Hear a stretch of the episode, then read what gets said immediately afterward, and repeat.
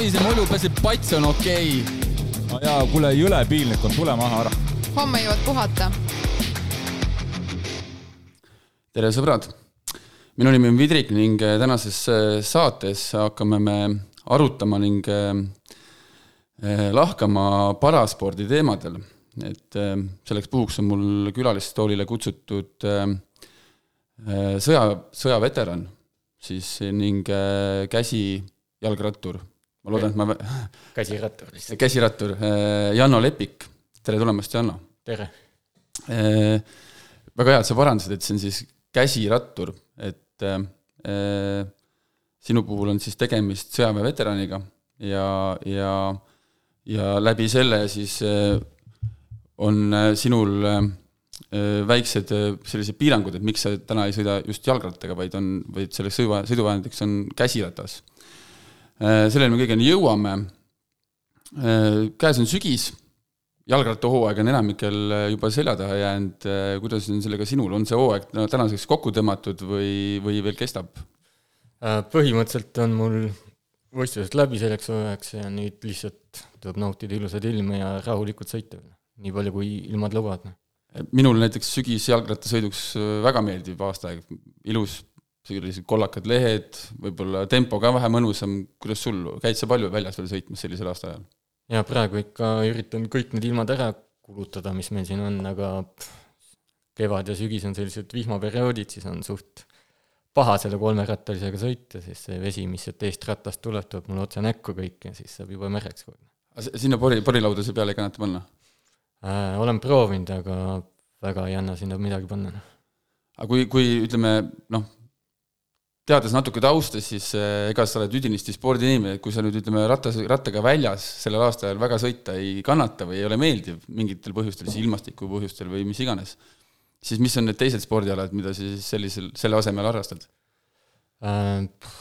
jõusaalis käin ja nüüd paar päeva tagasi ma ajasin ka omal selle suusarollerid välja, et nagu suusad, et all on rollerid ja istud kelgu peal ja sõidad seal. ühesõnaga, fantaasial ruumi on jaa, tuleb midagi leida, sest vahepeal peab puhkama sellest rattasõidust ja siis peab leidma midagi uut ähm,. rolleri, see tõesti, ega see suusa, või ütleme, rolleri suusatamine on sügisel võib-olla üks kõige noh, mingil hetkel, mingil ajaperioodil, kus väga palju lehti tänavatel veel ei ole, on ta väga nähtav ütleme, spordiala, mida inimesed harrastavad. jaa, ma ise vaatan ka, et neid on päris palju neid tavarollereid väljas, kes suusatavad ja valmistuvad juba talvehooajaks. Ähm, mingis mõttes äh, ei ole või noh, see ei ole väga üllatus, et, äh, et äh, oma väikestele piirangutele ütleme, mööndustega nendele piirangutele oled sa valinud just käsiratta, sest et varasemalt, ütleme, noorena või varasemas eas oled sa tegelenud pikki aastaid maadlemisega, et niisugune ülakeha rakendamine on võib-olla niisugune loomulik hetk või? Põhimõtteliselt küll jah, sest kui mul see õnnetus juhtus, peale seda ma hakkasin oma spordiala vaatama, mul on väiksed piirangud, mul on õlaga ka, mis õlg ei liigu üles nii palju, võib-olla mingi nelikümmend viis kraadi tõuseb üles ja siis oligi suht keeruline neid spordialasid vaadata, siis Youtube'ist lappisid läbi see kogu aeg, mida oli ja siis sai rattasõite ilusti, siis vaatasin, proovisin ja kõik sobis ja siis vastupidavusala on ka, mis mulle meeldib ja ja siis saigi ratas valitud. aga äh, maadlus ja vastupidavusala, need on tegelikult natuke üksteisest kaugel või? Äh,? kuidas võtta neid, sest sa pead seal kuus minutit panema täiega ja pusima teise mehega ja see ütleme ka, et ei ole lihtne ja siis tuleb ju matše, kui võidad, matše tuleb järjest sul kogu aeg. nii et mingit moodi on ikka vastupidavuse ala, noh. kui sa maadlusele tagasi vaatad, mis on need säravamad neljateist aasta jooksul, mis sa maadluses äh, maditsesid äh,, mis on need niisugused säravamad äh, hetked seal? Nii väga palju säravaid hetki pole olnudki, võib-olla mingi viis korda Eesti meister, kaks korda Põhjamaade hõbe erinevates vanuseklassides. aga sellist suurt läbimurret nagu ei saanud, ei tulnud, et välismaal kuskil. no kuidas võtta, ma oleks ma viiekordne Eesti meister, ma ütleks, et see on juba päris suur asi. ei, sa, nagu ma ise kogu aeg mõtlen, et Eestis sa võid siin kõva mees olla, vaata, aga siis, kui sa oled piiri taha, siis pannakse sind käh-, suht kähku paika, et. no üldiselt tegelikult on igas spordialas nii ja mõtle, et Eestis, et kõik on valla, et oled tugev ja siis. kui minna nüüd ütleme selle ringiga algusesse, siis äh, kust kust sa pärit oled? milline on võib-olla selline niisugune, niisugune noorustaust veel, et mis sa ise Äh, välja tooksid? ma ise pärit, ma olen Tartu lähedast Luunjast, et seal on mul lapsepõlv olnud. koolis käisin Luunjas, lasteaias käisin Luunjas kuni üheksanda, kuni üheksanda klassini. ja siis kümnendast ma kolisin Tallinnasse Audentese spordikooli. Ja siis peale seda põhimõtteliselt, ma käisin korra veel Tartus seal ülikoolis natukene, elasin seal uuesti ja nüüd äh, peale ajateenistust kolisin Tallinnasse tagasi, et siin Paldiskis käisin tööl sõjaväes noh. ülikoolis õppisid sa mida kehakultuuri. ah,? ikkagi, ikkagi seotud ikkagi spordiga? jaa, ma kaks aastat õppisin ja siis mõtlesin, et lähen käin sõbraga koos kaitseväes ära, kohustusliku ajateenistuses, aga hakkas jubedalt meeldima ja, Mm ja sinna see jäi. Aga eh, see tähendab siis seda, et eh, ikkagi eh, kõrgharidus on nagu lõpule viimata, vähemalt esialgu või? kõrgharidus on lõpuni viimata jah, et see on juba päris pikk aeg noh. aga kui mõelda sinu, ütleme sinu tahtejõule võiks olla veel teema, millele võiks veel kriips alla tõmmata või? ma ei tea, kõik käivad peale, et võiks ära lõpetada, aga ma ise olen selline, no mõtlen veel, jube pikka aega juba mõtlen. mõtle ähm,.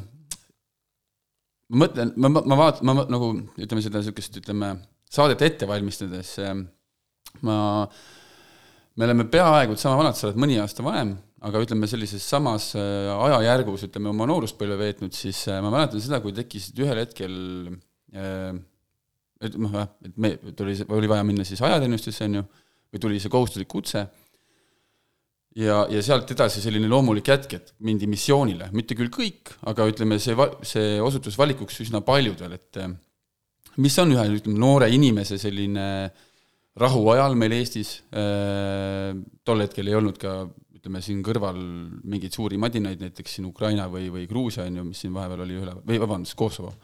Et eh, mis on sellise noore inimese tõuge, et, et, et ma lähen missioonile, mis on see et sa võtad, see on ju ohtlik, see on kõik see, mis seal kaasa toob, on ju, et et kuidas seda vanematele selgitada, et mis see, mis on selle noore inimese tõuge, et sinna minna? ma otsest vastust ei oskagi anda, et see kõik tuleb seest, et ajateenistus hakkas jubedalt meeldima, see laskmised ja jõudsid elurütm nagu, et oli nagu kindel rütm. ja siis pakutigi missioonile minekut, ega ma kaua ei mõelnud, sellepärast et tahtsin ennast nagu proovile panna, et noh, adrenaliini janu oli suur võib-olla ja ma ei tea, ja siis pakutigi minna Iraaki kõigepealt, noh koos nende oma rühmakaaslastega ja ajateenistuse otse põhimõtteliselt. ja siis me läksime sinna. et oli suht huvitav ja näed nagu elu väljastpoolt ka, mis seal islamimaades toimub. noh. aga see oli siis oma, selle, ütleme, see kaader, kes seal juba koos oli, kõik ütles, et no lähme, lihtsalt käed püsti ja minek oli ju. Ja seal algul küsiti, et kes tahavad minna, et käsi püsti, et ajateenistuses pannakse rühm kokku, kes Iraaki läheb, noh. siis ma tõstsin ka käe üles. oli neid palju tol hetkel, kes, jaa, minu teada oli neid suht palju ja sealt veel valiti välja, et kõik nagu ei saanud, noh. aga tut-, natukene nagu tutvusta seda tausta, selles mõttes, et noh, et ega, ega kui sa lähed äh, sinna ütleme, et hakatakse sind ette valmistama, et ütleme välismissioonile, siis igalühel on ju omad auastmed või Äh, määratakse kõik ametikohtadele, kes on pointman'id, kes on laskurid, kes on sanitarid, et igaühele on oma auaste või see oma amet, mida teeb. Ülesanne ülesanne ja loomulikult kõik on oma auastmetega ka kõik see reamehed, kapralid, seersandid. ja siis niimoodi pannakse paika, loomulikult vaadatakse ka seda, et mida sa oled ajateenistuses nagu õppinud. Et siis enam-vähem nendele ametikohtadele ja loomulikult enne minekut on seal missioonieelne väljaõpe, kus täiendatakse ja tehakse edasi kõiki asju. Sinu ülesandeks sai mis? mina olin seal äkki, mõtlen, mis, pointman äkki. kõige ees seal kõndisin. jah, ma olin kõige, et ei olnud selline kämper-snaiper kuskil tagatubades seal ei, rätik peas? ei, sellist asja meil seal Iraagis ei olnud jah.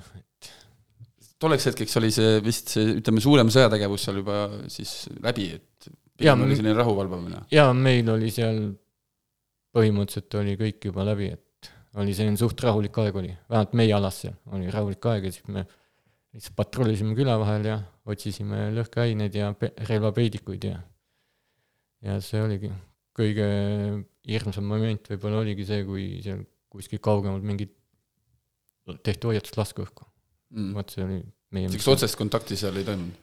Iraagis ei toimunud meil mitte midagi, jah. kas äh, värskenda oma mäluga, kas ühe missiooni pikkus on siis äh, kuus kuud? kuus kuud, jah. vahepeal sai kodus ka käia või? jah, oli, oli vist nii, kolm kuud seal, siis kaks nädalat siin ja kolm kuud uuesti seal või? jah, täpselt. ma lihtsalt mäletan seda, et mul endal mitmed sõbrad ja tuttavad, kes seal tol ajal siis käisid, on ju, et, et umbes nii ta oli, et, et said vahepeal kodus käia. sa tulid tagasi, läks mõni aeg mööda, otsustasid, et teeks ühe missiooni veel. jaa, ma tulin kaitseväest äragi, et läksin tsiviiltööle, natuke siukest mõtlesin, et vaatan, mis toimub, aga siis, kui uudiseid nägid kogu aeg seal, mis seal välismaal toimus, seal missioonipiirkondades, siis süda kippus ikka jubedalt tagasi, noh. Ja siis uus avaldus sisse ja sai uuesti minna.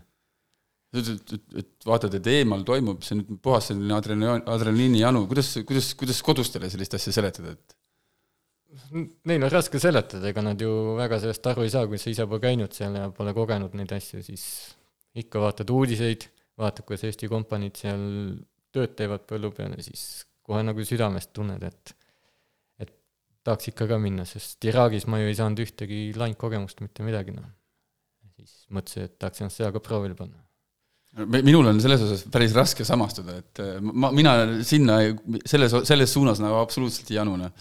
jaa, see Aga- ongi nagu igaühel on aga sinu põlevaid silmi vaadates, siis äh, võib sellest nagu kuidagi nagu, nagu aimu saada, et ega see ongi, kui millegi vastu tõmbab, on ju, siis on raske. jah, nii ta on, et proovid küll, et ei lähe, ei taha ja, aga ikka süda kutsub ja siis peab minema. mm. -hmm. pool missiooni sai mööda, suur, oli see, oli see nagu noh, sa ütlesid, et see oli päris erinev siis Iraagi ja Afganistani kogemus tol hetkel äh, oli see nagu noh, ütleme, et kuidas ütleme, aasta alguses siis jaanuarikuus äh, ühel päeval astusid sa ise tehtud äh, lõhkekeha otsa. ja see Iraak ja Afganistan vähemalt minu ajal oli nagu öö ja päev, aga loomulikult Iraagis alguses olid täpselt samasugused. Aga jah, sinna läksime siis, toodi suht kähku nagu niimoodi reaalsusse, et kus sa asud, noh. et see on, toimus tulistamisi ja asju kõike toimus, noh. ja siis oligi jah, jaanuaris sain pool, pool missioonis sain umbes olla, et natuke ei puudu, et oleks saanud koju puhkusele. siis tavaliselt juhtuvadki need niimoodi, kui enne puhkust, noh, või enne lõppu, noh, et enamus paugud ongi nagu niimoodi. huvitav, kas siis, kas see siis vastane niimoodi ajastab, et nad teavad, et oo, kuule, et neil on siin nüüd minek, et võib-olla muutuvad kuidagi laisaks, võib-olla pole enam nii kohal, et siis võib-olla nad on paremini haavatavad või? ei, ma ei usu, et see selles on, aga lihtsalt halb juhus. see on lihtsalt, ma ei tea niimoodi, võib-olla kõik mõtlevad, see on nii, aga statistika äkki näitab lihtsalt nii, aga see noh, tööd sa teed ikka samamoodi, sa ei saa seal lasta ennast lõdvaks ja ükskõik, olgu see tavaline mis patrull või ükskõik, sa pead alati olema fokusseeritud ja jälgima ümbruskonda. Äh, kui palju sa sellest äh, halvast hetkest ise mäletad või arvad mäletavat? no põhimõtteliselt ma oma tuttavaga rääkisin, kes oli sealsamas minuga koos. mina mäletan ah- asja ühtemoodi, tema mäletab asja teistmoodi. et mina tean, et ma mäletan kõike kuni kopterini, kuni kopter maandus ja mind pandi nagu magama, et nagu aga tema rääkis, et asjad olid teistmoodi, aga noh, mina mäletan ühtemoodi ja siis ma jätan selle, kuidas mina mäletan seda asja, noh. No ega ma usun, et selline moment või, või noh, see on nii ootamatu ja ütleme, et kuidas nüüd keegi siis selles hetkes nagu selge peaga nüüd selle asjale tagasi vaadates suudab nagu meenutada, on ju. jah, ma olen algusest saadik nagu, sest ma mäletan, kui ma Inglismaalt sealt koomast üles ärkasin, siis ma kohe nagu mäletasin, kuidas see asi oli, noh. aga noh, sest seda ei tea keegi, kas mina või tema, et kuidas see õige oli. no ja mis sest enam, on ju. jah, muidugi. aga võib nagu tunduda esmapilgul nii, et jah, et ise, ise tehtud lõhkekeha, astud peale, võib-olla ongi, ma ei tea, kas see on, kas see on siis, võibki olla nii, et et, et selle e vastase eesmärk ongi, oligi, ongi nende selliste lõhkekehade puhul mitte, mitte tappa, vaid just haavata või? et, et nad ei tehta nii võimsad, et inimene siis ei, seal on ikka väga palju võimsaid ka, soomukitele kõik asju on pandud sinna maa alla peituna, nii et no nende eesmärk on ikka võimalikult palju hävitada, ma arvan, et pigem on see point. okei okay,, sest et et ega sinu seisund peale seda õnnetust ei olnud just äh, väga lootustandev. Äh, no arstid räägivad, et, et noh, ei uskunud, et keegi ellu jääb, on ju. aga noh, seda arstid tavaliselt nagu kõikidele räägitakse niimoodi. aga selles mõttes, et seal oli küll päris palju kriitilisi hetki, ega see, et sul jäse ära lendab, see ei tähenda, et sa kohe surma saad, sa kaotad, sured ikka sinna verepuudulikkusse, et sul verd nii palju läheb välja. noh. aga kui sa õigesti nagu tohterdad ja kähku tehakse, siis on see šanss ellu jääda päris suur, noh. eks siis sinu puhul võib-olla niisuguseks heaks äh, juhuseks nii-öelda võib ka öelda, et oli lihtsalt hi-, kiire ja hea meditsiiniabi või? jaa, mul oli väga head need jao sanitaarid ja kõik asjad, kes nagu midagi juhtus, nii kohe tulid ja tõmbasid skutid peale ja peatasid verejooksu ja see on kõige tähtsam. ma vaatasin ähm, saatele, tänasele saatele eelnevalt, et äh, ühte videot, kus, video siis, et äh, kus sa ütlesid, et äh, jah, et kui ma siis ütleme, Inglismaal haiglas silmad avasin, ja ütleme, enam-vähem endale sellise reaalsustaju sain, siis kõrval voodis oli sinuga ütleme, selline saatusekaaslane, kellel olid juba jala sellised, on siis proteesid, jah? proteesid, jah, et et jalaproteesid ja justkui saab kõndida, tundub, et täitsa nagu ütleme, sellist normaalset elu elada. jaa, see oligi kõige niisugune valgus, valgust äh, jaa, see oligi kõige motiveerivam asi, et kiiresti terveks saada, et nägid, kuidas poiss kõndis seal, samamoodi olid mõlemad jalad ülevalt põlv amp-, amputeeritud, noh. ja kõndis proteesidega väga hästi, siis vaatasid, et ohoh, et sellised asjad on olemas ja siis hakkas selle nimel päris kõva töö, et saada püsti voodist. see päris kõva töö, kus kohas see alguse sai, mil-, millised olid need esimesed sammud, need peavad olema, see ei ole lihtne, sellist vaimset äh, puremist on seal ilmselt päris palju või? jaa, ma olingi peale seda õnnetust olin pool aastat Inglismaal ja seal oli kohe taastusravikeskus suur, kus olid kõik vigastatud koos. Ja seal oligi, hommikul kell kaheksa hakkas pihta, õhtul kell viis lõppes ja nagu tunniplaan oli, käisid füsioteraapiad, tegevusteraapiad, kõik asjad käisid läbi, noh. ja lasidki niimoodi viis, viis päeva nädalas ja kogu aeg ainult lasid trenni, noh, et tugevaks saada. aga sellised raskemad momendid, kui sa nendele mõtled, et noh, see, see ei ole lihtne nüüd, see on, ma ütlen, et lihtne, et just vaimne pool ühel hetkel on nagu võib-olla kõige raskem või um,?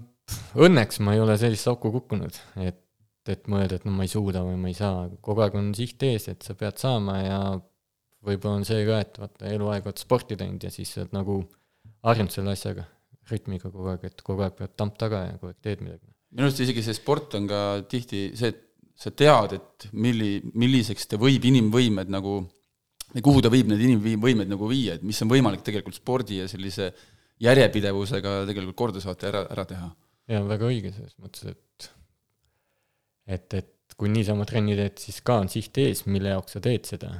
ja siis võtadki niimoodi ette ja hakkad seal lihtsalt tuima, tuimalt rassima niimoodi, et peab saama, peab saama ja tuli välja, et saigi. no ma usun, et sul selle nimel või nende nimel, kelle pärast rabeled end, ennast nagu nii-öelda jalgadele töötada on palju, sul on kaks äh, väikest tütart.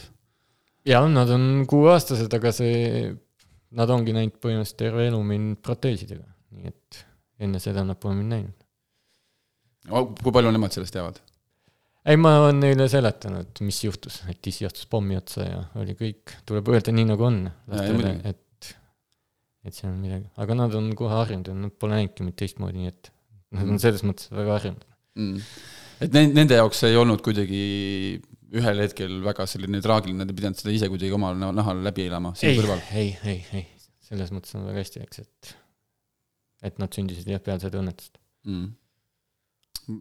jah, äh, see on hea. Äh, taastusele vist rääkisime, ühel hetkel sa siis pidid endale hakkama leidma sellist väljundit, spordi, sportlikku väljundit, esimeseks selleks võib-olla oli siis siseergomeeter või? jaa, et see oli, pidin midagi tegema, sellepärast et peale seda õnnetust, kui ma Eestisse jõudsin, siis hakkas see kehakaal tõusma.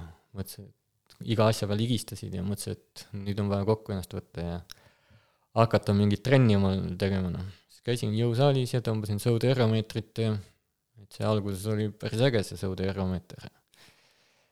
aga noh, kui sa seda pikalt saalis tõmbad, siis mingi aeg ütleb nagu keha stopp, aitab küll sellest et tuim töö oli noh, minu jaoks.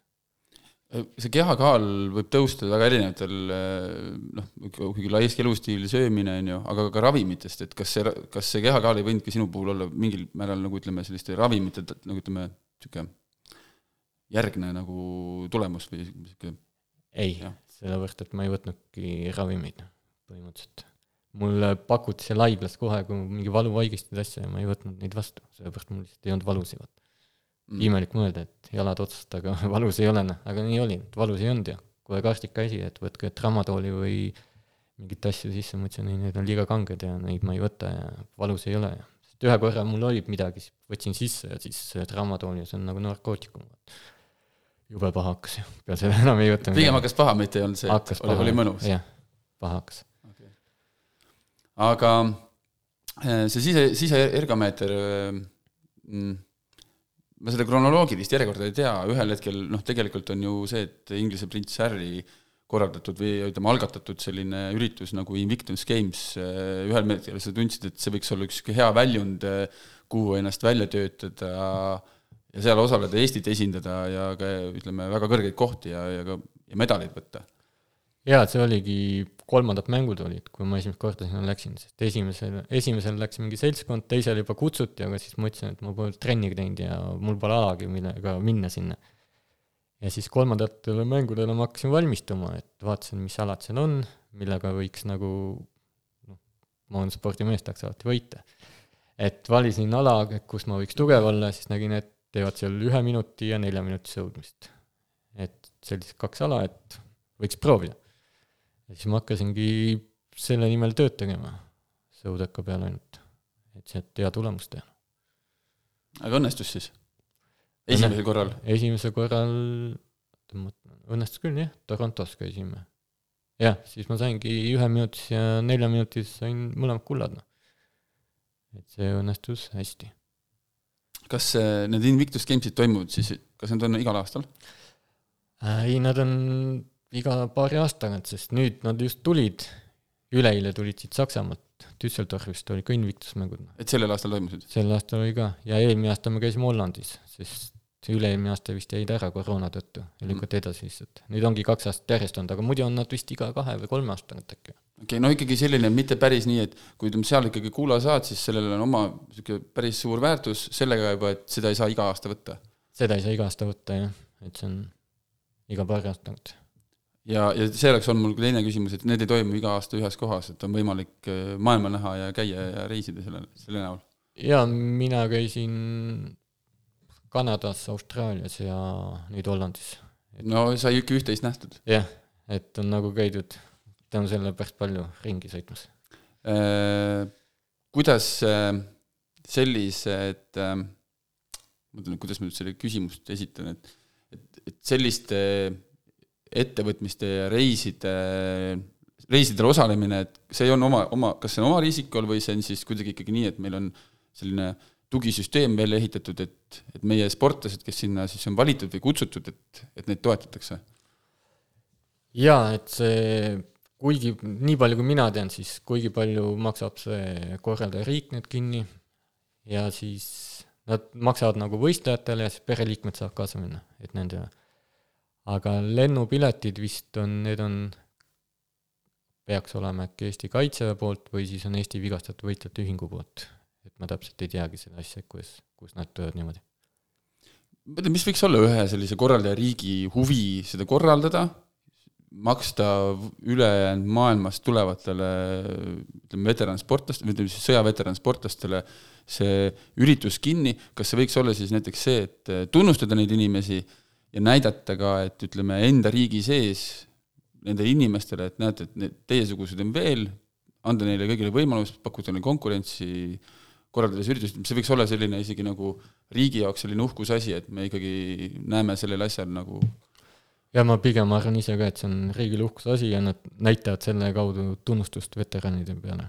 et ma ise arvan, et see on, sest kes see ikka tahab maksta seal väga suuri eelarveid sellest võistlusest, et see maksab ikka väga palju, noh. ma ütlen, et ühel, ühel, ühel hetkel võiks olla selleks korraldajariigiks Eesti, siis see tundub natuke pigem on see utoopiline, et see on jah, rohkem nagu suurte riikide teemad, need asjad et kui ma vaatasin mingit video, kus oli siis prints Harry kõneles, on ju, siis see saal oli ikkagi päris rahvast täis. ja nii palju, kui ma seal olen kolm korda käinud, siis need ava- ja lõputseremooniad on niimoodi, et piletitega müüakse, et pealtvaatajad, et nagu noh, olümpiamängud on põhimõtteliselt samasugune avatseremoonia on. et sisse marsid, rahvad hästi palju, suured esinejad, kõik asjad on nagu. oled saanud Eesti lipuga kanda? ei mina, mina ei ole jah. aga, aga siis võib-olla peaks veel või, või mille järgi, mille järgi siis seda lipu? ma ei saagi sinna rohkem minna, sellepärast et sinna tegelikult saab kaks korda ainult minna. aga kuna Eesti on nii väike, siis eelmine kord me saime eriloaga, saime minu sinna ja mõned isikud olid veel, kes said eriloaga. ja nüüd ongi see probleem, et Eestis hakkavad need, õnneks hakkavad vigastatud otsa saama. ja ei ole nii palju enam saata sinna võistlustele. et nüüd nad peaks hakkama seda muutma või ma ei tea. sest meil on paljud on juba kaks-kolm korda käinud, nii et eks näha, mis sellest tulevikus saab mm.. ei, aga mis, mis on see põhjus, et, et just kaks, et kas see ongi see, et noh, et et, et pakkuda sellele inimesele väljundit, et niisugust eesmärki, siis loodetavasti ta leiabki sellega endale niisuguse hea elustiili ja jätkab seda, et, et mina olen aru saanud, et see on põhimõtteliselt tehtud nagu suurtele riikidele, et neid on vigastatud, seal on palju. väga, väga palju, et saaks kõik käia mm. -hmm. mitte ainult ei ole kogu aeg ühed näod, kes käivad seal võistlemas ja et pigem on see selle jaoks, et saaks nagu võimalikult erinevad inimesed käia seal ja saavad sellest osa võtta. ja see piirang, et kaks korda maksimum, ei ole see, et äh, panna nüüd äh, Janno Lepikule Eestis bänn peale, et ei tuleks iga aasta, võtaks kullad või? ma ei usu seda, et seal on veel neid, kes on palju võitnud mm.. aga äh, ühelt maalt, nagu sa juba korra mainisid, et Sõude ergomeetris sai küll sisehalli, ütleme sisetreening äh, saali sigistamisest äh, otsustas, et tahaks mingit, ütleme, jätkusuutlikumat väljavaadet äh,, huvitavamat, viia seda asja väliskeskkonda, leidsid enda jaoks käsi, käsiratta. kuidas see teekond, kuidas see, kuidas sa üldse selleni jõudsid, samamoodi läbi Youtube'i või? põhimõtteliselt läbi Youtube'i, et vaatasin videosi, sõideti kätte jõud, seal tundus väga äge, et siis ma Eestis sain kuskilt, sain ühe hästi-hästi vana selle käsirattana ja kusjuures seal Torontos ma võistlesin ka selle käsirattaga, seal koha pealt laenutasin muidugi, noh, ja proovisin tollega sõita, aga ta oli nii raske ja nii suur ja ei liikunud edasi ja mäest üles tuli kett kogu aeg maha ja halb kogemus oli, aga siis hakkas ikkagi meeldima, et vaatasid värkes õhus saad sõita ja saad võistelda ja ja siis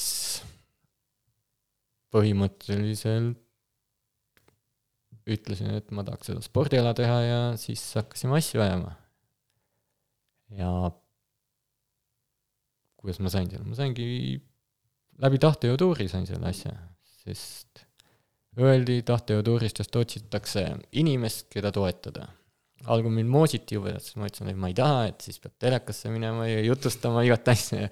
et seda, see mulle väga ei meeldinud, aga räägiti ära ja siis hakati tahtejõutuuril koguma minu jaoks, minu käsiratta jaoks seda raha, noh jah, Priit Salumäel on selline hea omadus inimesi ära suuta rääkida. jah, sest algul ma ütlesin ei, kohe kindla ei, aga siis hakati tulema kuskilt, et no kuule, võiks ikka teha ja et noh, et sul läheb seda ratast nagu vaja, et siis ma mõtlesin, et tegelikult oleks vaja küll, et see on, need rattad on nii kallid, et ega ma ise seda osta nagunii ei jõuaks, noh. siis mõtlesid, et okei okay,, tulen korra ütleme, sellisest mugavustsoonist välja ja olen siis nõus ennast nagu avama, noh, rääkima sellest, et mis on see taust ja, ja siis võtma see abi vastu? jah. tagantjärgi mõttes, tagantjärgi mõeldes, siis see oli ikka ainuõige asi ju? kindlasti ma olen väga rahul sellega. nii et eh, suured tänud siis Edgar Dreierile ja, ja Priit Sarumäele ilmselt või? jah, et ma olen neile öelnud küll, aitäh.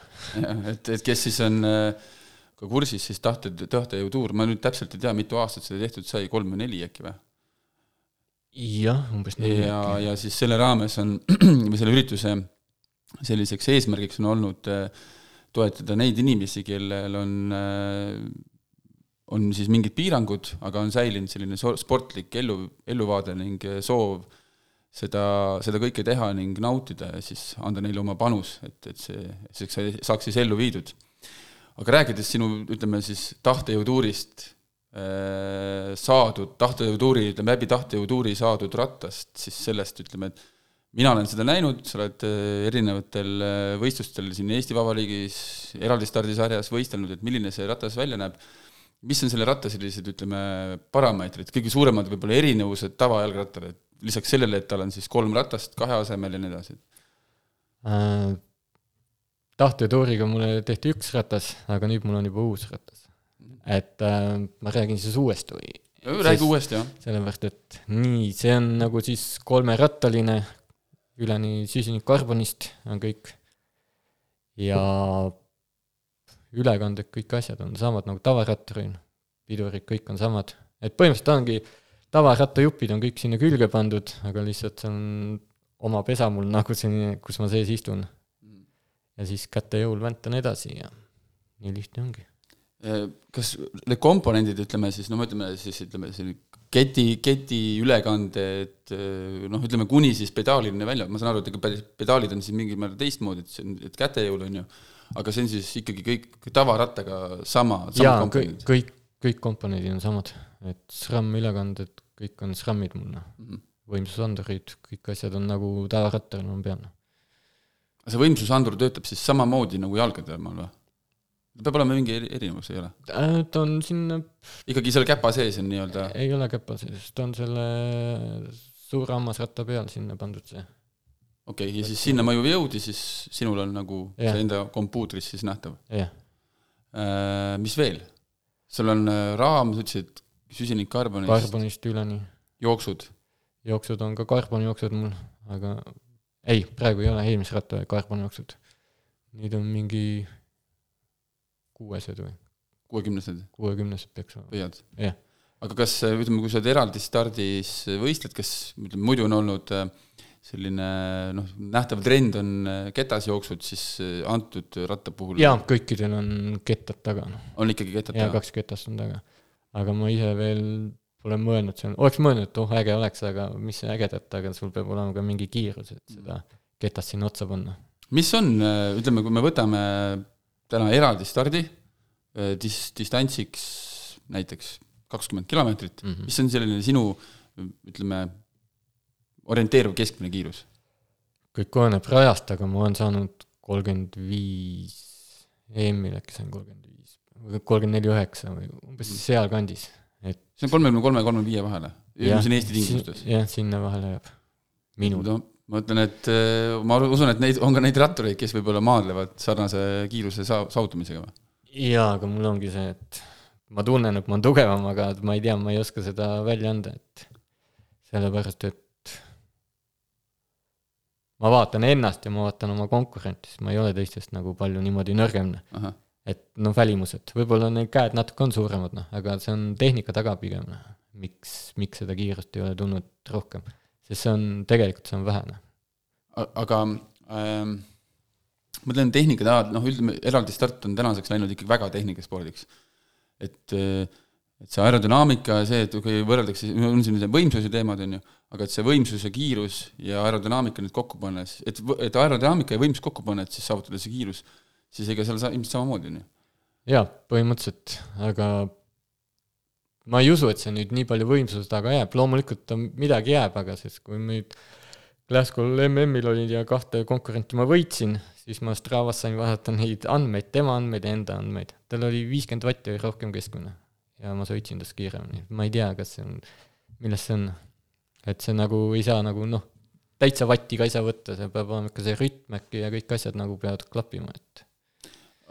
kuidas see äh selline, ütleme selle nii-öelda siis ma, ma nimetaks seda vändaks, väntedeks nagu siis ütleme noh, et kuidas, kuidas nagu need jalgratta puhul kunt-, kutsutakse, et siis see väntede ringiajamine, see on samamoodi, ta on ikkagi sirgjooneline tegevus, mis ja. siis, et ei ole umbes selliseid erinevaid ülekandeid, et kuidas rütmi, sa mõtled, tõid välja rütmi tegevuse? no see on see kondentsne.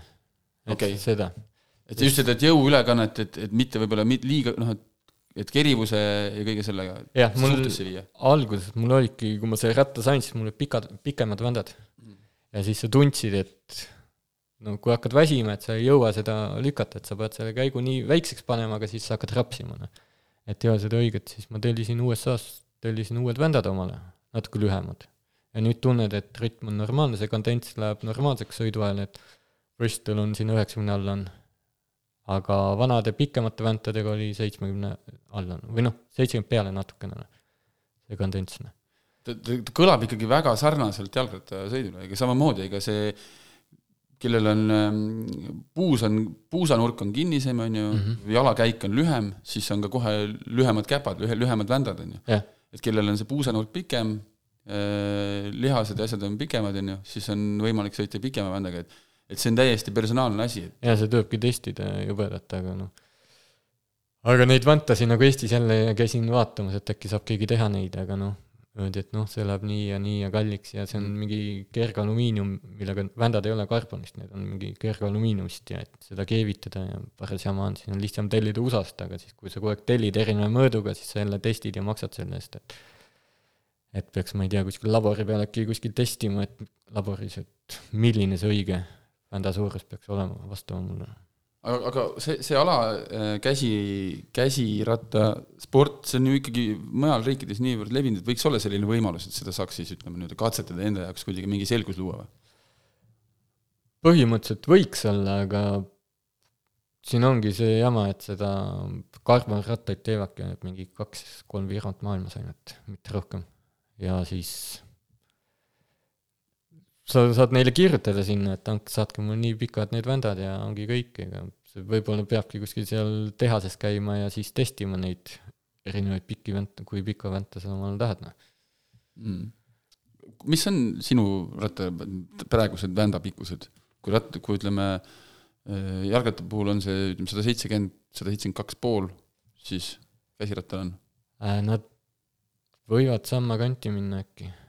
Jah, ma arvan, umbes samma kanti võivad minna, eelmised muidugi olid kõvasti pikemad, noh Mm. ja ma arvan, pigem nad ongi sinna sada seitsekümmend äkki sinnakanti kuskil.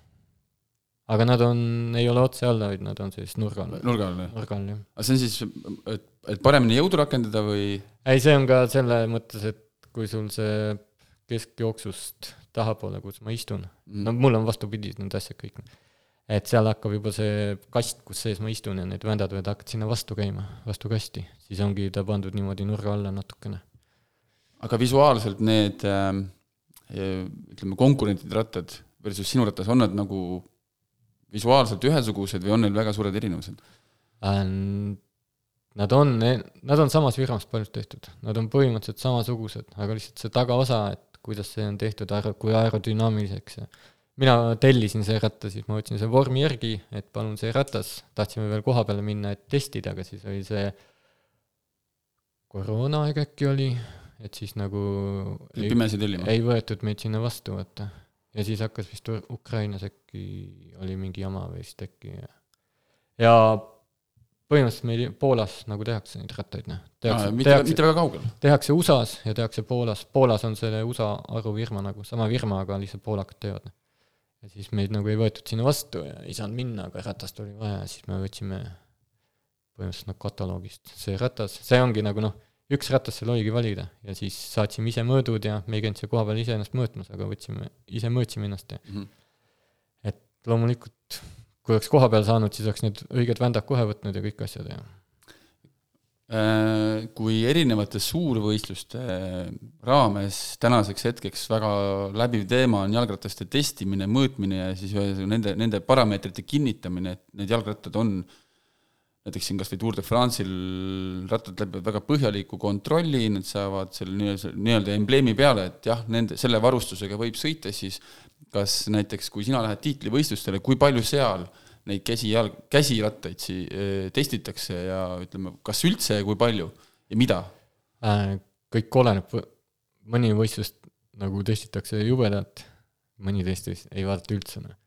et see oligi kui USA-s olime see aasta, siis oli neil mingi mõõdupuu tehtud, mul on, mõõdetakse ära tagaratta vahe, see peab olema mingi, ma ei tea, seitsekümmend senti äkki.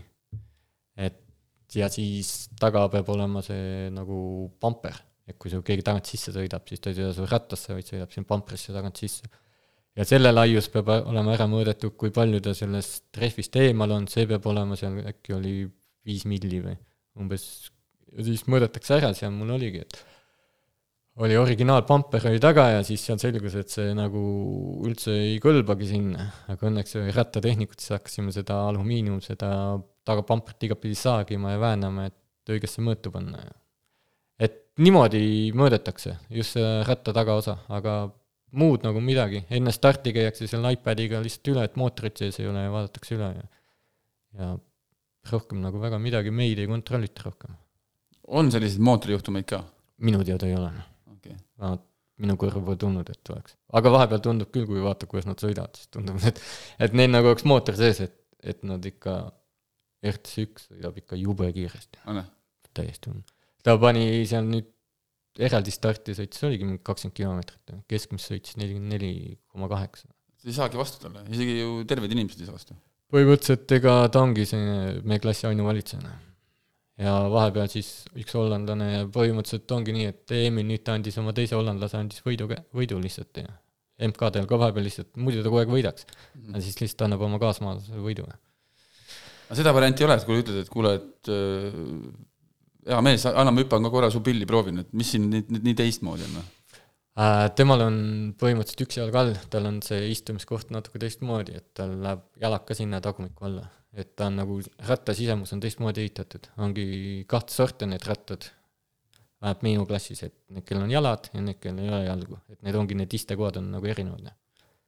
see võib-olla annab ka ikkagi mingi eelise, ega jalg on noh, et ütleme, et et kas sa oled, ütleme, ilma ilma jalgadeta või sul on üks jalg ikkagi on, on alles, on ju, siis kindlasti ta ikkagi mingi tugevuse annab, just isegi kui sa oled sinna kinni seotud või, selles mõttes kinni seotud, et sa oled ikkagi oma kookonis sees, on ju? jah, ei jah, sest kui ma mäletan, ma alustasin seda võistlustel käimist, siis ma nägin, kuidas seal põhimõtteliselt tõusid sinna põlvede peale ja siis surusid nagu, väntasid ülevalt alla, et see jõud rakenduks. või isegi stardis juba kaotada? jah, et põhimõtteliselt, aga nüüd ma pole näinud, et keegi seal põlvede peal tuleb, ma ei tea, kas keelati ära või tõmmati rihmadega kinni või mm. aga algul tõusid põlvede peale ja väntasid seal, nii et jõud oli kohe teine. jah, võib arvata äh,. eraldistardist me rääkisime, tundub võib-olla sellise ütleme, ratta või distsipliini või ütleme, ratta puhul kõige nagu elementaarsem distsipliin, aga on olemas ka ju grupisõit ja ka siis trekisõit, kui ma ei eksi või äh,? trekisõit on olemas, aga see ei ole kolmerattalistune see on ehk siis sinu, sinul seal minu klassil see trekki veel ei ole. aga grupisõit, mis tundub minu jaoks natuke utoopne, kuidas seda üldse harrastada sellise ratta puhul, kuidas, kuidas, kuidas ütleme, et grupisõit, keskeltläbi mitu inimest grupisõidus osaleb, kui lähed kuhugile tiitlivõistlustele? kuskil kakskümmend kaks kuni kakskümmend viis. kas siin on kvalifikatsiooni järgi nii vähe kohti, et turvalisus, turvalisuse kaalutlusel või? see lihtsalt ongi.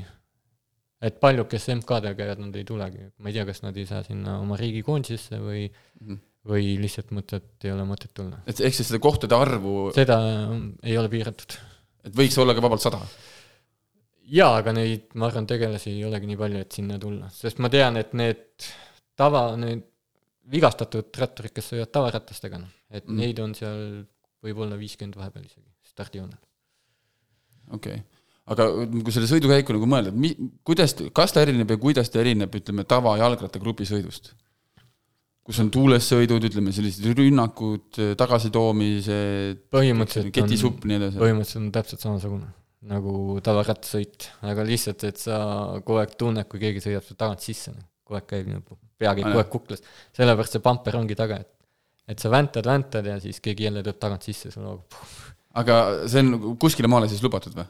Jaa, see ongi ju, kui eest natuke keegi pidurdab, siis jääd hiljaks ja siis sõidad tagant sisse või väntad natuke kõvemini kui ees olev isik ja siis sõidad lihtsalt puh, käib jälle. aga, aga seda ei ole tajunud, et mõni võib-olla teebki, ütleme, selline psühholoogiliselt üritab nagu sind nagu mõjutada või, või ongi siis nagu välja rammida või kui see kuhugi maale lubatud, ega siis ju tegelikult on need õnnetused ka ei, üldjuhul ma pole seda näinud, et tahtlikult keegi midagi teinud oleks, et see on enamjaolt kõik ju, vaata see seltskond on suht väike, kõik tunnevad üksteist, et seal nagu ei ole keegi hakkab seal sikku tegema, siis tegelikult kutsutakse kohe korrale? põhimõtteliselt see on ikka kisamine käib vahepeal ikka jube, jah aga mis on, ütleme, sellise keskmise, ütleme, käisid MM-il grupisõit, äh, mis on sellise tiitlivõistluse distants grupisõidus mm,? no ta ongi, meil on paika pandud, et eraldi start on kümme kuni kolmkümmend kilomeetrit, et selle vahemikus mm -hmm. on meie klassis ja siis grupisõit on nelikümmend kuni kaheksakümmend, et selle vahemikus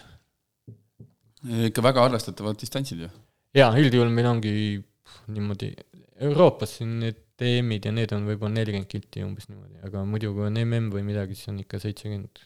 no tegelikult on ta ka ju nii, et äh, kõik äh, tiitlivõistlused, mis on siis ütleme jalgrattaspordis, ma ikkagi tõmbaks, tõmbaksin paralleeli jalgrattaspordiga, sest et need distsipliinid on ju samad, lihtsalt mõni, mõningate eri, erisustega, siis tiitlivõistlustel need distantsid viiaksegi pikemaks, pikemaks jah, et noh, seal on muidugi jah see, et eh, tuuagi välja need tõelised need ütleme, multitalendid või nagu tõeliselt tugevad, et, et maailmameistriks ei saagi igaüks, on ju, et see on, seal on vaja ikkagi kõvat annet ja talenti ja ja, ja tööd, on ju, ja, ja noh, et sa pead olema selleks, selle, selleks ikkagi võimeline. Äh,.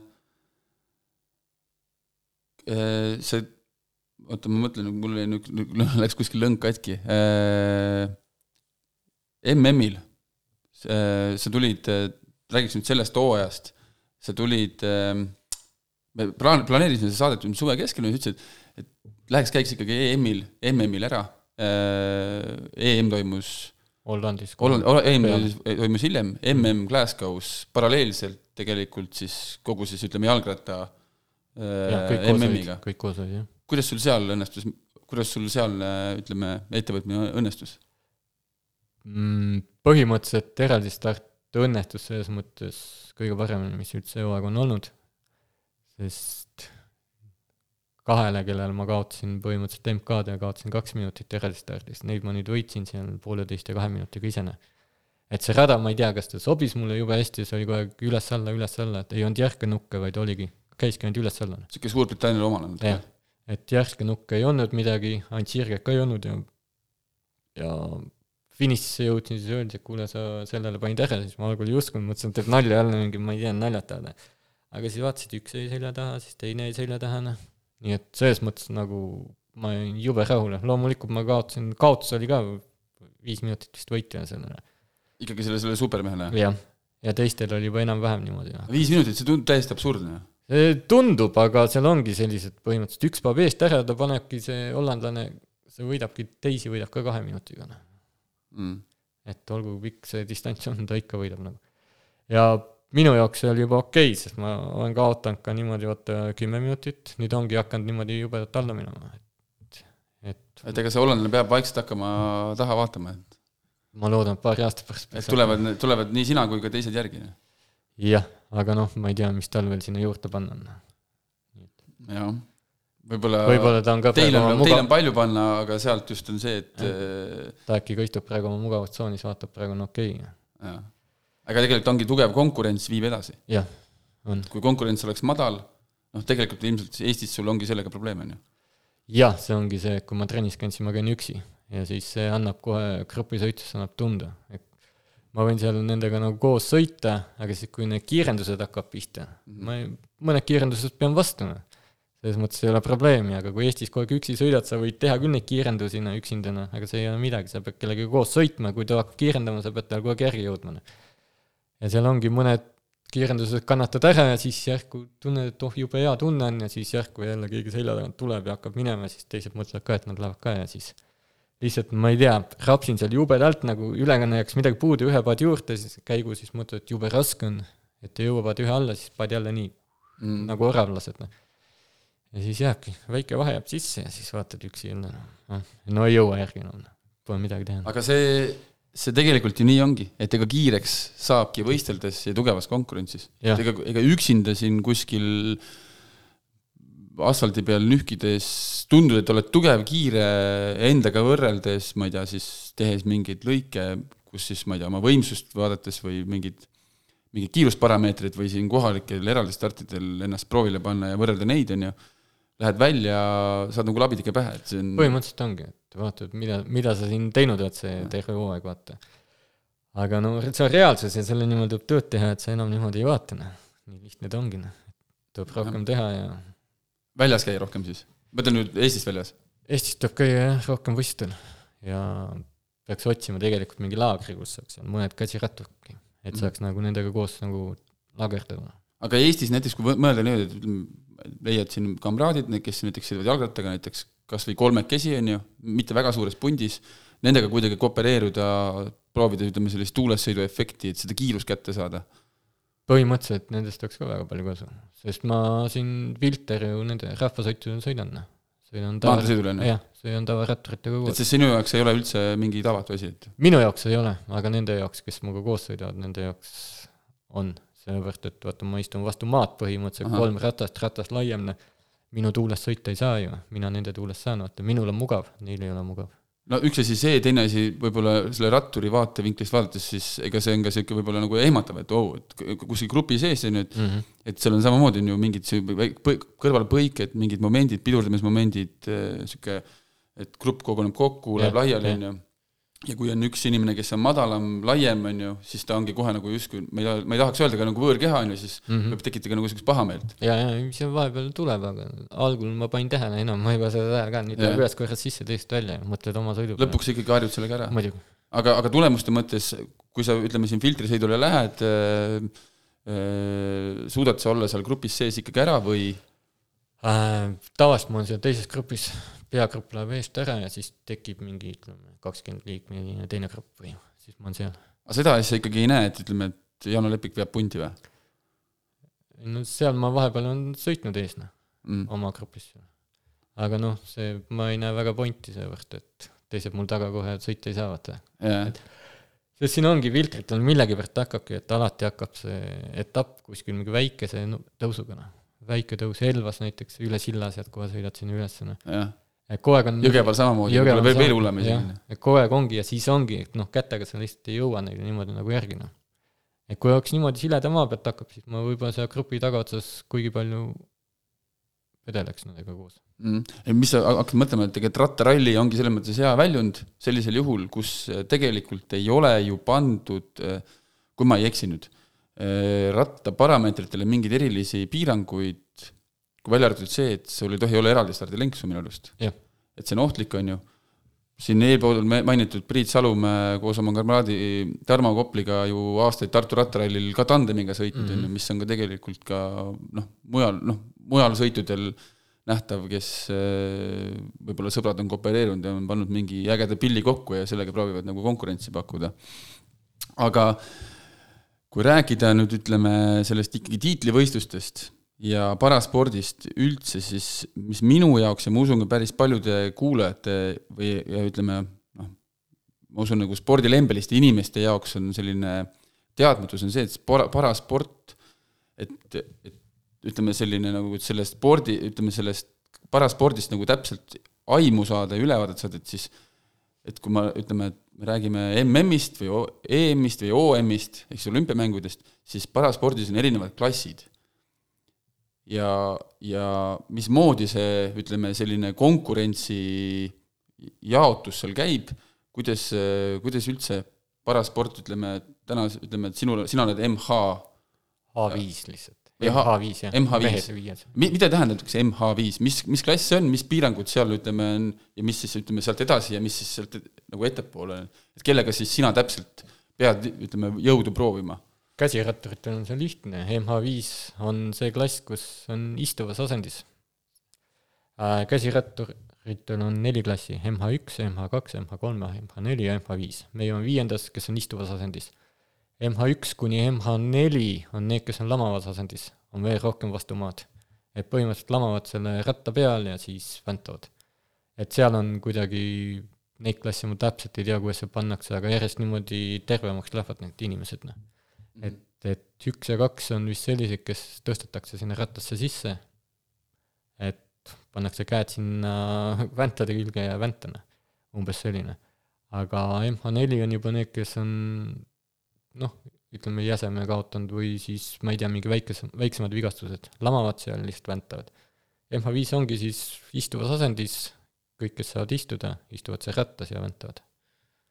ehk siis need kõik need klassid, mis eelpool, eelpool nimetasid, need võistlevad ikkagi eh, täiesti erinevatel sõitudel ja oma kategoorias?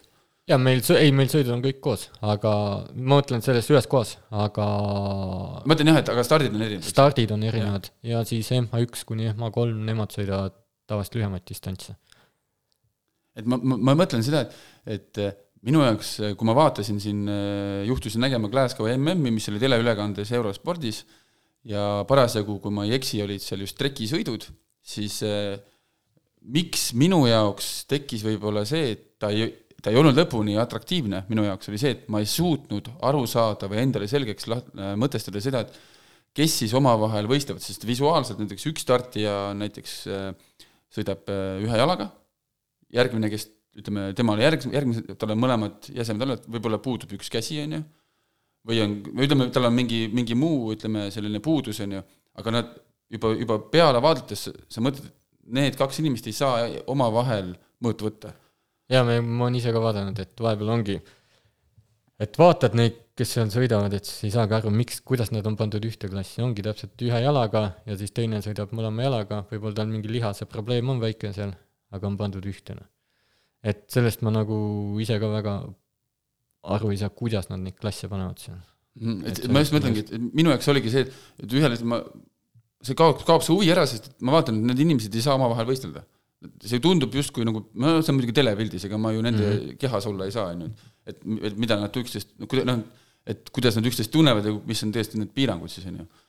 jaa, võib-olla seal trekis ongi neid klasse vähem tehtud, et ei ole nii palju klasse, sest äh, tavaratturitel, kes sõidavad tava, või noh, pararatturid, kes sõidavad tavaratastega, nendel on ka seal C1 kuni C5, need ongi nagu tavaratturid, noh mm -hmm et nendel on ka seal siis, ongi pandud, kellel jäsemed puudu on põhimõtteliselt ühes klassis, kellel on lihastega mingid probleemid, on teises, ja siis on viimane klass on see tandemid, noh, põhimõtteliselt, kes mhm. on pime, see istub taga ja ette võetakse mingi eksprofi sõitja, kes veab neid. et see on tandemite sõit, on see. aga kuidas, kuidas siis üldse seda distsipliini veel nagu, et põhimõtteliselt, kes saab endale parema profi ette või? Põhimõtteliselt, vähemalt mina olen niimoodi vaadanud, et see on, on, et näidatakse jälle, näe, see on, sõitis, kunagi sõitis Girot ja see sõitis Voletat ja põhimõtteliselt ongi sellised ekssõitjad pannakse sinna ette. Ja taha võimalikult väike, kerge imeinimene ja siis hakkad andma seal. jah, ütleme, proovida nagu ütleme, samastuda sellega, ütleme nii-öelda selle eksprofiga, on ju, et kas see on siis kuidagi veel võimalik nagu ma ei tea, kas siis enda sõbra mingeid unistusi ellu viia või siis ennast veel kuidagi noh, teisest vaatevinklist nagu kuidagi realiseerida või? ei tea, ei tea. ju neil mõtlevad, et võiks aidata ja nad saavad ka ju maailmameistritiitli särgi, ma olen selge noh mm -hmm.. samal ajal, kui see tagumine pime saab, nii et võib-olla oma karjääris jäi saavutamata, siis võib-olla mõtleb, et noh, võiks saada ka. et garaaži seinale saab ikkagi triibulisse selga panna? jah. särgid on ju ühesugused, eks ju, maailmasärk, maailmameistrisärk on maailmameistrivärk. kas paraspordis on äh, ma ei, ma ei tea, kas sa oskad sellele vastata, äh, äh, kas on ainult füüsilise piiranguga inimesed või on ka siis vaimse piiranguga inimesed, näiteks ma ei tea, jah, ütleme, ma ütleks, kas Downi, Downi sündroomiga inimene ja ütleme, sellise füüsilise äh, pea, noh, ütleme näiteks jäsemete inimesega, kas need inimesed on ma saan aru, on eri kategoorias, aga samamoodi võivad osaleda või saavad osaleda paraolümpial äh,? Downi sündroomiga neil on omad võistlused. täiesti üldse? seda ma, seda ma tean, neil on jah. aga seal on selliseid, kuidas ma ütlen, vähe teistsuguseid, kes nagu on mingi ajuprobleemid äkki mingisugused mm.. ma just, ma just seda mõtlengi. liikumisega, nemad on ja nad sõidavad ka põhimõtteliselt, nad, neil on sellised rattad, kus on ka kolmerattaline ja nad istuvad seal kõrgel nagu tavarattapukis, noh. ja sõidavad, põhimõtteliselt ongi sama kõrgus nagu tavaratas, aga taga on kaks ratast, ees on üks ratas. aga mi-, mi-, miks see nii on või? ma ei tea, mingi tree-bike või mis selle nimi on, et ongi, et ma ei tea, miks, miks nemad sõidavad ka sellega, neil on eraldi klass tehtud, miks nad ei saa tulla sinna käsiratturitesse. on lihtsalt tehtud üks klass juurde sinna. aga see on võib-olla ka see, et neil just, et justkui nagu tegelikult kõik on nagu ju küljes jaa, kõik on küljes, aga kui sa näed, kuidas nad kõnnivad, siis ongi, et tasakaaluhäired on ja, ja ma ei oska öelda, millest need klassid tehtud on, et kuigi vaata, et kui tahaks kokku tõmmata, siis saaks panna tegelikult nad sõita, sõitma käsiratturitega. Mm.. aga sa arvad, et või, või noh, ütleme, et kui, kui, kas oleks mõistlik teha nii, et äh, praegu mingil määral eraldi olevad klassid mis võiks korra üle vaadata, et need võiks tegelikult kokku panna, võib-olla kasvatada konkurentsi, seda ala võib-olla natuke edasi viia või see on, või sa tunned praegu, et et need klassid, mis praegu on nagu ellu, võib-olla nagu välja pandud, on ju, et need ongi nagu õiglaselt ja nii ta võikski jääda. ei, selles mõttes, kui nad on nii tehtud, ju nad on õiglased, aga ma ise arvan küll, et need, kellest ma viimati rääkisin, need, kes istuvad triipaigis ehk kolmerattalisest püstiasendist, nemad võiks tuua vabalt sinna käsiratturitesse. Sest kui neil tasakaalu või midagi ei ole, liikumisega probleeme, siis saab panna ega mitte istuma, vaid minu klassi, vaid üks klass näiteks allapoole, kus nad saavad lamada, noh. ja saavad väga hästi sõita, aga ju nii on tehtud ja siis arvatavasti see on kõige parem variant neile jah, eks, ega tegelikult on ju see, et ega kõigil peab säilima mingi motivatsioon ning ja ka võimalused võrdsed, võimalikult võrdsed võimalused tekkima. Neile neid võimaldama. jah, sest kuidas sa neid enam tõstad ümbert, et teise klassi, nad on väga kaua sellega tegelenud ja siis öeldakse, et nüüd peab minema sinna käsiratturite juurde sõitma ja arvatavasti enamust lõpetab ära siis noh. nii lihtne see ongi kas ennem rääkisime korra, et äh, rataste kontroll, kas äh, ennem tiitlivõistluseid tuleb ka ütleme, ennast korra minna näita-, ütleme siis arsti juures jälle näidata, et näed, et ma ikkagi endiselt olen paras sportlane, minu vigastused on sellised, soovin osaleda seal olümpial või ma olen kvalifitseerunud sinna, et ühesõnaga ka ennast peab käima regulaarselt kuskil näitamas põhimõtteliselt ikkagi... ma saan enda peal näite tuua, sest kui ma alustasin käimist võistlustel, siis ma tõin, võtsin võtsin sealt selle netist, võtsin selle vormi, mis on vaja ära täita, siis käisin Eesti arstid läbi, need panin sinna paberid juurde, saatsime minema sinna ja siis, kui esimene MK tuli, siis on tavaliselt on, paljudes MK-des on enne võistlust, on paar päeva, on see arstlikud komisjonid. Et sa käid arstide juurde sealt läbi, näitad ette ja nemad määravad sulle klassina. aga paberid peavad olema saadetud ja kõik Eestist kõik paberid kaasa võetud ja ja minule pandi eluaegne klass, sest kuna mul jalgu pole ja siis ega jalad tagasi ei kasvanud, aga paljud peavad käima iga aasta seal tõestamas, näitamas, et ega pole paremaks läinud või, või on, kui näiteks, kui on halvemaks läinud, äkki on vaja klassi allapoole viia. et see kõik oleneb ja nendest, mis puue sul on mm, -hmm. et vaadatakse üle aga ütleme, Eesti Vabariigi seadustele korra või ütleme, arstisüsteemile korra vaadates otsa, et kui tihti või kas üldse, kui tihti sa pead ennast käima arsti juures, ütleme, et, et endale näiteks toetust saama või et riigi abi saada? põhimõtteliselt mina käin iga viie aasta, et täidan kogu aeg Sotsiaalkindlustusametile need paberid ära ja et midagi pole paremaks läinud või midagi pole halvemaks läinud ja ja siis jälle esitan ja ootan oma taotluse vastu jälle. siiamaani pole probleemi olnud? Siiamaani ei ole probleemi olnud. aga eks ta sihuke noh, viis aastat, muidugi tegelikult see on noh, mingil määral mõeldes nagu, et siis see on ikkagi küllaltki mõistlik aeg. jaa, sest alguses alguses oli neli aastat. või aasta, muidugi peaks iga aasta käima. see, see oleks juba lollus. reisimisest, sa oled õnnestu-, sul on õnnestunud tegelikult läbi selle, et sa oled valinud endale eh, sportliku, võiks tegelikult isegi öelda tippsportlase karjääri et tegelikult see on ju sinu täna võib-olla põhiosa. see ongi põhimõtteliselt mu töö nagu. jah, et äh, sul on õnnestunud väga palju reisida. mis on võib-olla sellised äh, ägedamad kohad, kus sul on õnnestunud käia tänu sellele mm.? Austraalia sa tõid välja. no enne, kui me Austraaliasse läksime, siis me olime nädal aega Uus-Meremaal laagris. et Uus-Meremaa koondisega, nad kutsusid meid külla ja et koos lähme sinna Sydneysse siis. et põhimõtteliselt ma arvan, et võib-olla ongi Uus-Meremaa, kuna see on kõige kaugem ja selline koht, kuhu nii tihti ei satuta, vaata. ja siis Kanadad, USA-d, USA meeldis see aasta kõige rohkem, siis me käisime seal sõjaväelaste Warriors game'il, et see oli nagu see aasta mängud mingisugused jälle Californias, San Diego lähedal, seal oli väga ilusad ilmad ja väga mõnus oli tšillida seal aga kes, kes sinuga tavaliselt sellistel reisidel kaasas käivad? on need pereliikmed või, või on siis ütleme, sul on endal selline tugiisik või kes sind aitab siis? mul kaitseväes on põhimõtteliselt, kes aitab mind igasuguste logistikaga ja kõik, et tema käib minuga kaasas ja siis käib vend kaasas. et noh, oleneb, kumb parasjagu vaba on, see tuleb, noh mm et vennal, vennal on niisugune ka hea võimalus äh, läbi enda venna tegemistes siis jaa, tal põhi, põhimõtteliselt ongi, et tal lihtsalt hakkavad puhkused otsa aeg peab puhkuse võtma, et kaasa tulla. Okei okay., aga ilmselt tal ei ole selle vastu midagi, et ei, siiamaani ta pole midagi vingunud. aga pere käib tihti kaasas? pere käib, vahepeal võistlustel me pole teda kaasa võtnud, aga kui jaanuaris on laagris kuskil käinud, siis ma olen mingi nädalaks võtnud lapsed mm. ja abikaasa kaasa.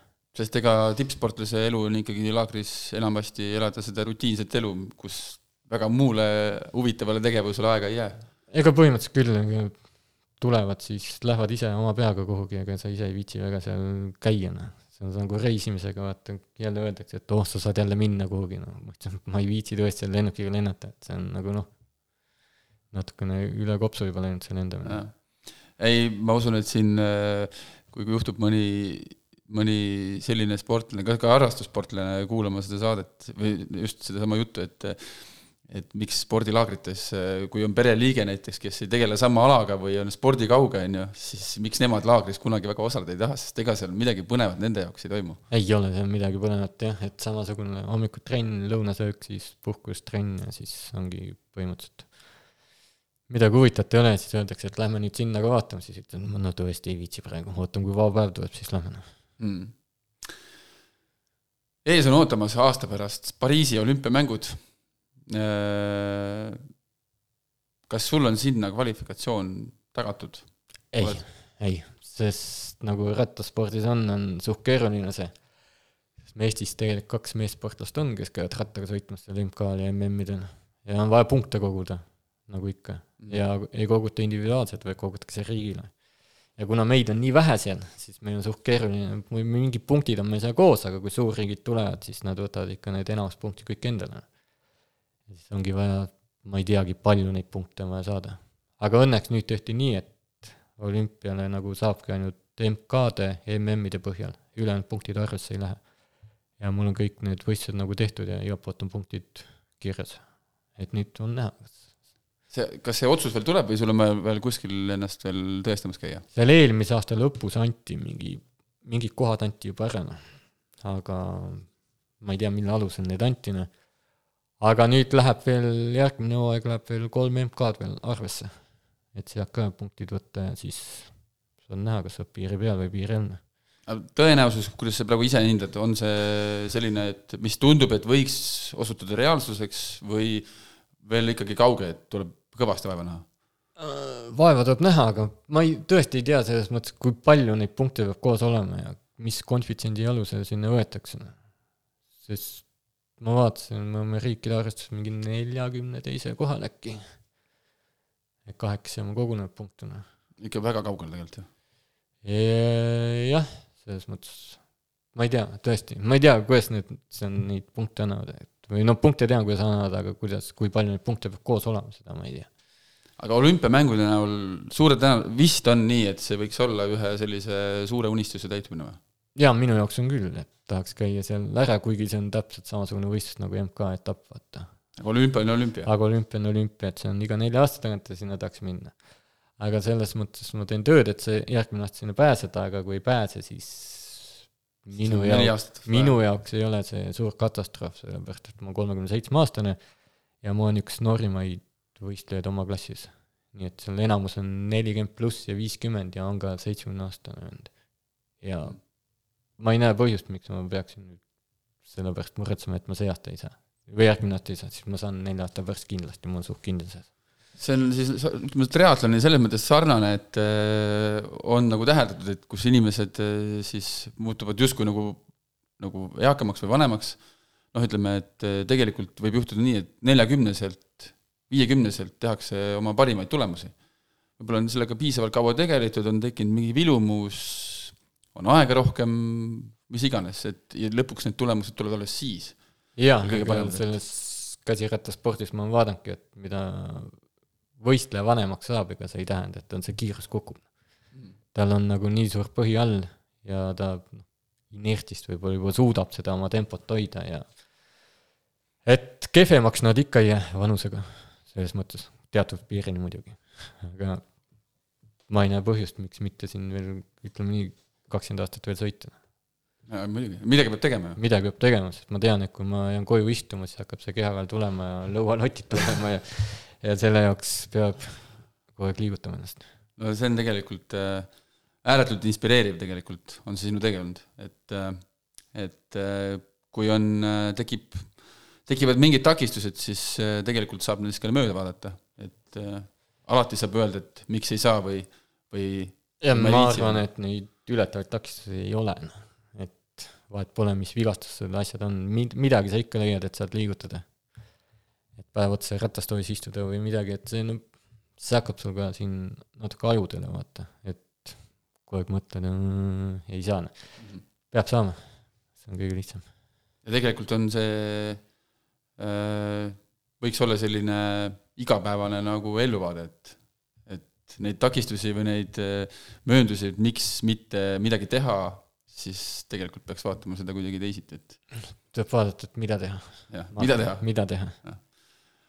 aga mul on tegelikult ääretult hea meel, Janno, et äh, meil on, äh, et me tänase saate maha saime, et sa meile avasid, mulle avasid, teistele avasid enda käekäiku, et et, et inimesed, kes siis ütleme, jalgrattaüritustele näevad, lähevad, näevad sind seal võistlemas, nad oskavad sellega samastuda, oskavad võib-olla grupis sind ka võib-olla paremini aktsepteerida, sulle kaasa elada, võib-olla sätivad olümpiamängude kõrvale ka paraolümpiamängud, et, et, et, et sulle seal kaasa, kaasa elada ja võib-olla suudavad ka rohkem samastuda selle, sellega, et, et endale seda atraktiivsemaks vaadata, et ma ütleks, et paraspordi äh, paraspordil on selles suunas äh, palju veel areneda, et, et, kuidas seda nagu tavainimesele atraktiivsemaks muuta.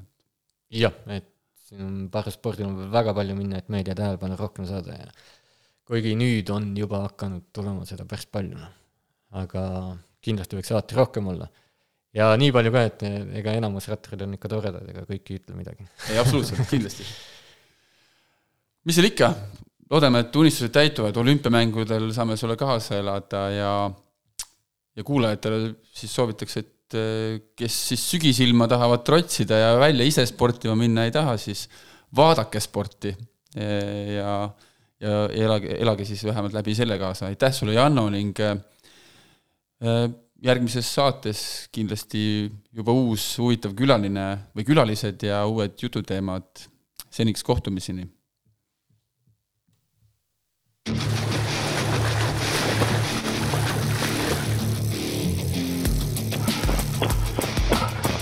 Savise mulju peseb, pats on okei okay.. no jaa, kuule, jõle piinlik on, tule maha ära. homme jõuad puhata